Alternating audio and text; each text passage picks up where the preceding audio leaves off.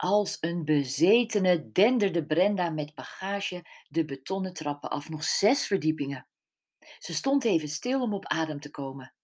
Ze durfde op geen enkele verdieping de hotelgang weer in te gaan en de lift naar beneden te nemen, doodsbang als ze was dat ze dan Rick weer tegen zou komen.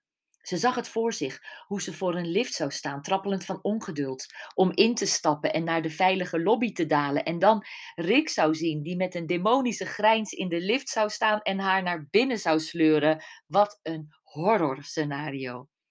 Doe normaal, Bren, zou Robert zeker weer gezegd hebben. Maar hoewel ze zich best realiseerde dat ze zichzelf enorm angst aan het aanpraten was, wist ze ook dat dit niet alleen maar een kronkel in haar hoofd was, maar een realistische schets van hoe het zou kunnen gaan.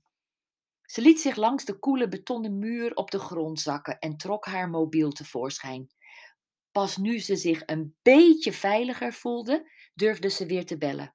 En als Rick haar nu in dit trappenhuis zou vinden, dan zou inspecteur Herring dat meteen horen. Na twee keer over te zijn gegaan, nam de politieman het gesprek aan.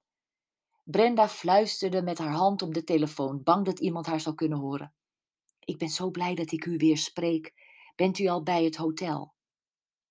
Ze luisterde aandachtig naar zijn antwoord. Blijven waar ze was, hij zou haar zo opkomen halen. Nadat ze had opgehangen, appte ze Jules. Ik kan je niet bellen, want ik zit verstopt in een nooduitgang. Dit is weer een FBI'tje ten top. De politie komt me zo halen. Ik weet niet hoe je het voelde, maar die Rick was inderdaad niet te vertrouwen. App je later en ik hoop dat ik op tijd bij je ben voor de late night supper. Een kwartier later zat ze nahijgend en bevend tegenover inspecteur Herring in een sfeervol restaurant om de hoek van het hotel.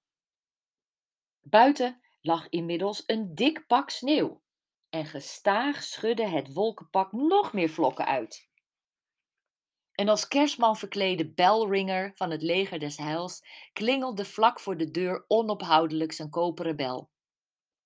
In het restaurant klonk de originele versie van I'll be home for Christmas. Bing Crosby's stem herkenbaar uit duizenden. Een ober, ook verkleed als een jolige kerstman, bracht hen twee dampende mokken thee.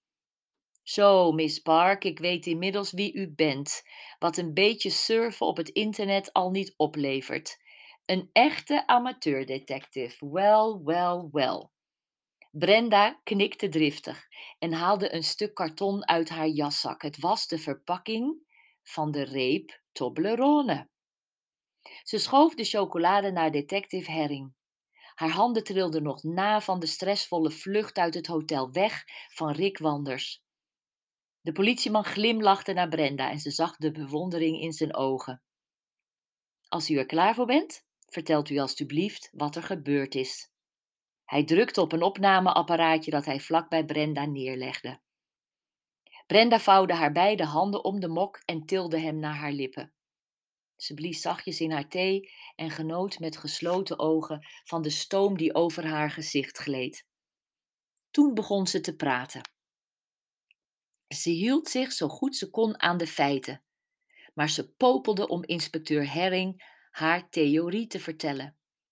Ze kon zelf bijna niet geloven dat ze voor de tweede keer in een jaar tijd verzeild was geraakt in een overlijdenszaak waar, in dit geval letterlijk, een luchtje aan zat.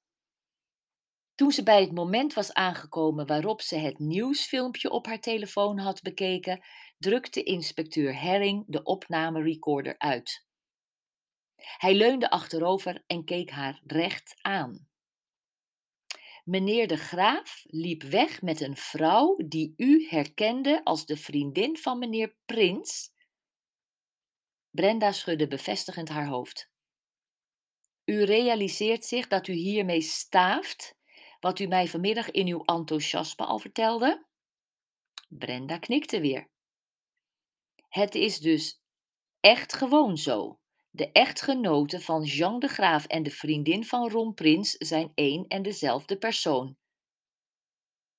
Ik heb zelfs opgezocht of er foto's waren van meneer de Graaf met zijn echtgenote. En die waren er. Brenda boog zich naar de politieman toe. Ik popel om meneer de Graaf op te bellen. Ik wil zo graag horen wat hij te zeggen heeft. En ik denk dat zijn reactie alles verklaart over de raadselachtige dood van meneer Prins.